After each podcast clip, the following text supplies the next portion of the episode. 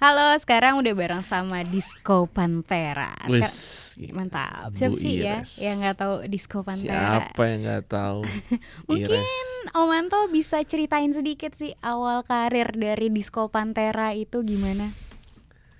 Awalnya dari modeling ya. Percaya sih, percaya. Awal karir apa ya? Eh, aduh, ini gue harus menceritakan ini udah entah berapa ribu kalinya. Awalnya adalah karena diajak oleh teman untuk main di acara yang dia buat saat itu. Itu tahun 2012.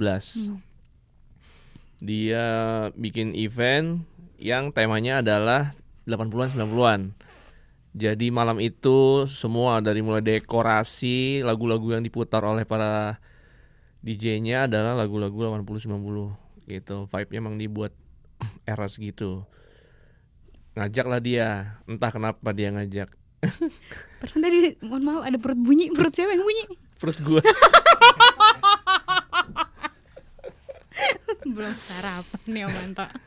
aus nih. Keran mati. MNC Tower loh ini. Masa nggak ada pump? Ya, tenang, tenang, tenang. Diambilin. Mau eh, minuman apa nih? Yang dingin, yang panas? Kesegaran aja.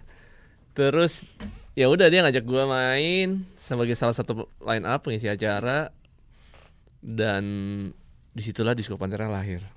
Gitu. Awal mula karirnya Disco Pantera di situ. Oke, aku sih sebenarnya pengen nanya sih, Apa? kenapa namanya Disco Pantera tapi pasti udah banyak banget Gak apa-apa. orang yang tahu ya. memang itu nama yang ganggu kan sebenarnya dalam tanda kutip.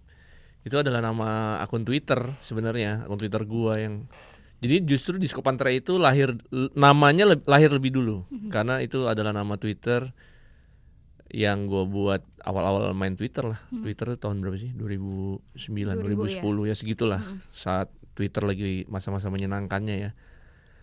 Gue bikin akun Twitter nama nama itu udah ada lebih dahulu sebelum tahun 2012. Nah, nama itu seben- sebenarnya kalau ditanya kenapa namanya itu nggak tahu kenapa. Saat itu pengen, pengen bikin nama yang ganggu aja. Ganggu dalam tanda kutip ya maksudnya nama yang tidak biasa lah. Tapi ketika orang membaca nama itu orang akan aduh ini nama ini banget ya. Gimana gitu, ganggu aja. Ya gitu. Disco Pantera tuh karena dulu kan gua nge-tweet tweet-tweet gua tuh eh, yang lucu-lucuan aja kan. Nah, pengennya tuh nama yang anonim, anonimus, yang orang nggak tahu itu siapa. Instead of saat itu orang bikin nama misalnya Ires cute, ya kan sih? Era itu kan lagi zaman Iya, gitu kan. Eh, Ires im imoet, Imoet, yang gitu-gitu lah. Nah, gue pengen bikin yang orang nggak tahu itu siapa. Harus yang ganggu namanya. Kepikiran Disco Pantera tuh, oh sempat kepikirannya Disco Pantura tadinya. Hmm. Tapi kalau Disco Pantura kayak cuma norak doang, nggak nggak dapet esensi ganggunya. Mhm. Akhirnya gue plesetin jadi Disco Pantera. Jadi Pantera kan nama band metal ya, band metal Amerika tuh. Salah satu favorit gue juga. Jadi dapat aja kontradiktif gitu. Masa disco, masa Pantera, Pantera masa disco gitu. Oke. Jadi eh, pengen tahu juga sih apa sih yang ngebedain ya Om Anto nih Hmm. seorang Disco Pantera dengan DJ DJ lainnya. Yang membedakan adalah gua skill gue nol. gue nggak punya skill. Gitu. Jadi kalau kadang-kadang gue suka dinyinyirin atau dibully tuh gue suka senang aja karena mereka bener. Karena emang gue katro ya itu sih yang membedakan gue Enggak enggak enggak. Lo lo keren, parah, the best.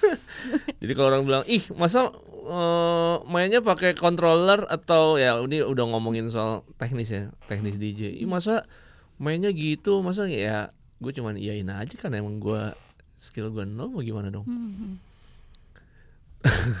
kalau mau jawaban seriusnya apa yang membedakan mungkin di saat Disco Pantera lahir eh gue nggak berpikir untuk jadi DJ sebenarnya res Hmm. gitu gue kan berpikirnya memang men- eh, menekuni dunia modeling gue aja saat itu pengen serius di catwalk ya Oke. tapi percaya percaya.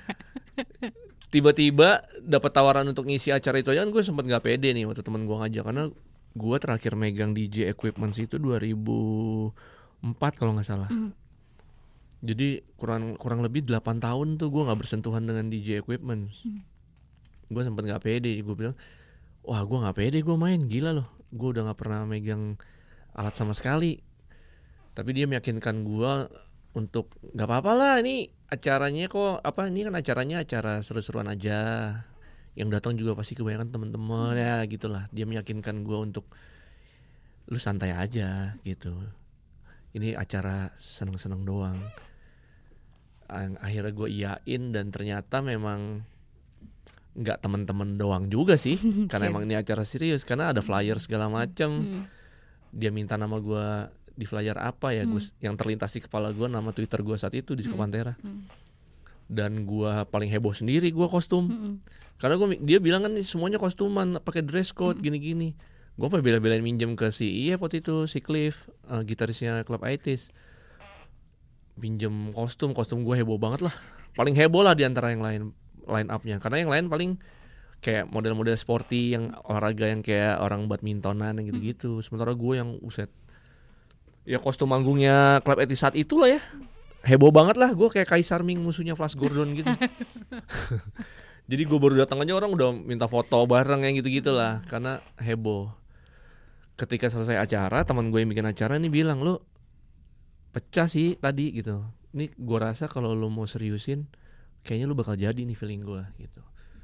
Hmm gue pikir-pikir wah ide baik nih. Kenapa nggak gue terusin? Akhirnya gue konsepin res gue seriusin. Yang tadinya cuman buat iseng doang gue seriusin gue konsepin. Oke Disco Pantera adalah seorang pemutar lagu yang seolah-olah dia adalah orang dari era 80-an 90-an yang kayak masuk mesin waktu tiba-tiba muncul di era sekarang pengen ngajak orang nostalgia nostalgic nyanyi bareng merayakan betapa kerennya musik-musik era itu gitu. Intinya gitu. Makanya selalu berkostum. Jadi orang nggak nggak cuman menikmati musiknya aja tapi secara visual juga dia kayak wah gila nih orang. Jadi nostalgia juga gitu secara vis- apa visual gitu. Udah musiknya eh bikin dia nostalgia ngelihat visualnya juga dia jadi inget-inget wah iya zaman itu kayak gini nih dandanannya kayak gitu sih res Mantap. itu mungkin yang membedakan menurut gua jadi ketika DJ lain berusaha tampil kece baik dari setlist maupun dandanan nah gua muncul kayak orang gila. Tapi kan lo untung kan? ganteng, terus kan lo model. buset ganteng amin banget dah bini gua aja nggak bilang gua ganteng itu sih yang mem- membedakan paling esensial kalau menurut gua. Jadi yang lain berusaha tampil kece tiba-tiba di Pantera muncul baik setlist maupun secara dandanan nyeleneh sih dalam tanda kutip ya. Itu sih. Jadi kan sekarang tadi Omanto bilang yang ngebedain adalah eh, Omanto se- selain secara lagunya juga bernostalgia, juga secara visual ya kan. ya dari kostum berarti ya Iya betul sekali. Ska- Iya sih aku setiap kali melihat Omanto perform pun emang kelihatan kostumnya seniat itu. Tapi kalau Hmm. dari segi fashion sendiri, Omanto ada ini gak sih kiblat siapa gitu atau inspirasi? ada sih referensi nggak ada cuman nginget-nginget aja kan ya apa kata om ya karena kan gua nggak mengalami era itu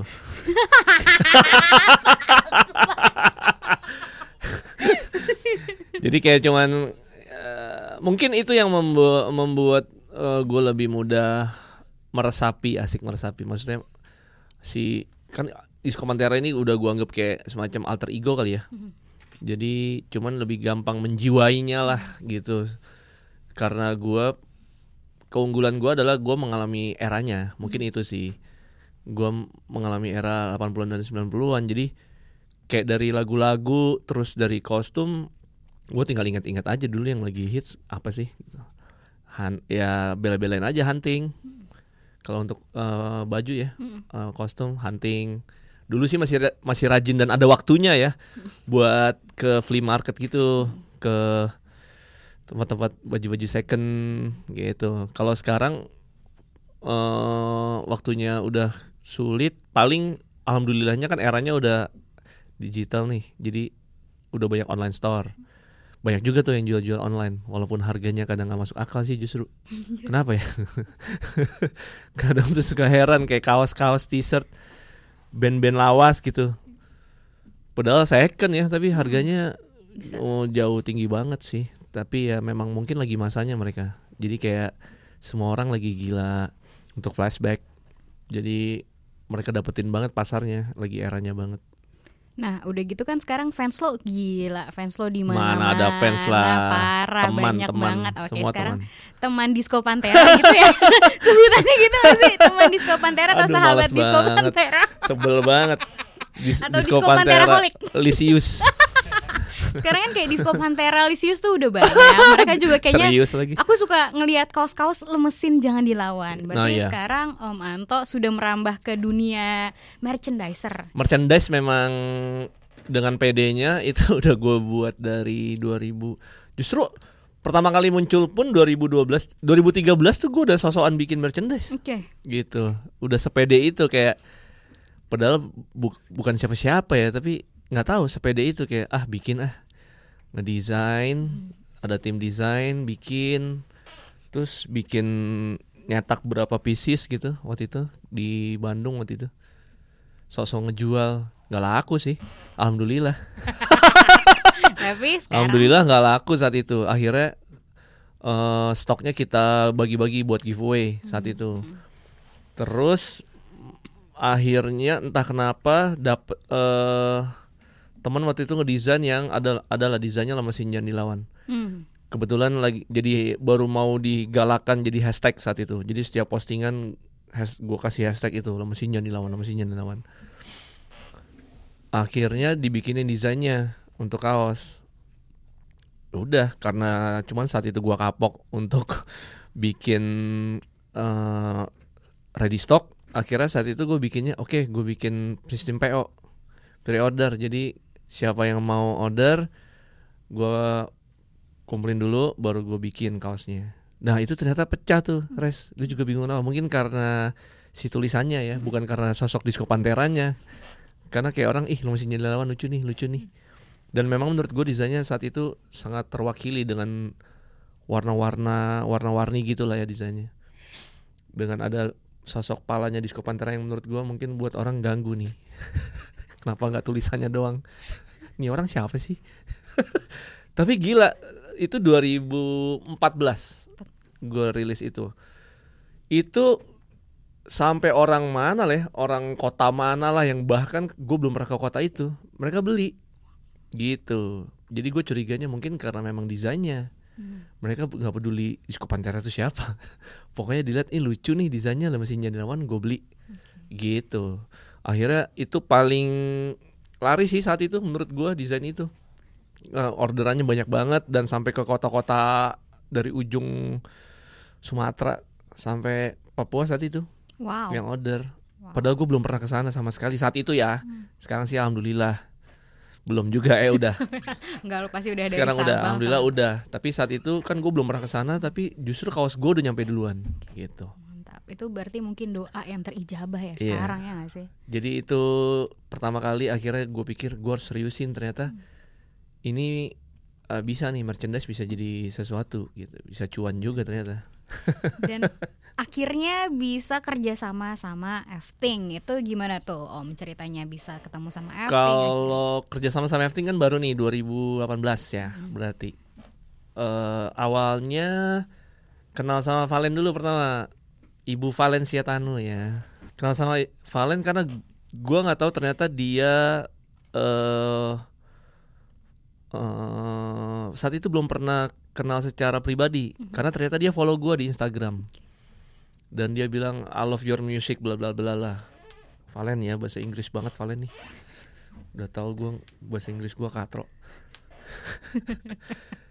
Akhirnya eh, jadi kenal secara pribadi karena dari sosial media kita ketemu berteman ya ketemu nyata ya akhirnya ya. Terus dia ceritalah dia punya project ini di Efting ini.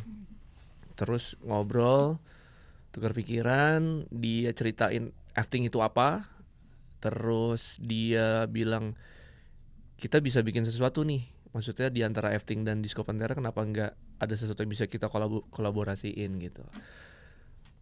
Eh, dari situ akhirnya berkembang yang tadinya cuman ngobrolin soal merchandise akhirnya dia sempet Efting sempet uh, interview gue juga waktu itu bareng Upi Tuan 13 untuk ngisi kontennya. Dan ternyata memang FT kan luas ya nggak cuma fashion. Uh, ibaratnya itu lebih ke lifestyle ya.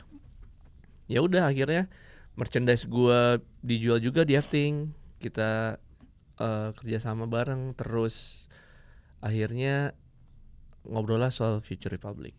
Uh, menurut lo sendiri nih Om, hmm. uh, ini kan apa ya kayak festival musik perdananya Efting. Yeah. Lo gimana pendapat lo? Pertama kali uh, Valen ngobrol soal rencana dia untuk membuat festival ini sih, menurut gue uh, dia kan nggak ngomong banyak nih pertama kali dia cuma ini rencana mau buat festival musik yang nantinya dia berencana akan dibuat nggak di Jakarta sebenarnya hmm. nantinya ya hmm. tapi dia bilang ini untuk edisi perdana 2019 berencana gue mau buat di uh, Eco Park Alliance Ancol uh, secara konsep dia nggak banyak bilang saat itu terus tiba-tiba oh dia cuma sempat bilang beberapa kandidat untuk line up lah.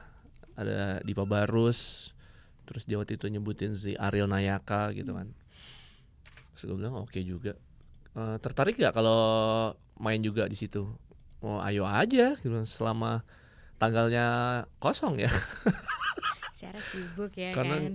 nggak berani ngomong. Kalau secara ini ayo aja. Gue excited aja acara apa pun itu kan. Hmm. apalagi ini menurut gue bakal jadi salah satu festival yang dalam tanda kutip diperhitungkan lah ya nantinya di Indonesia gitu. Karena kaget asli. Karena ternyata ketika uh, line up mulai diumumin ternyata ada musisi asingnya juga gitu. Oh berarti ini emang festival gede festival serius banget ini pantesan dia ada rencana untuk membuat di luar Jakarta dan dengan skup yang sangat besar. Ternyata memang ini akan jadi festival internasional gitu.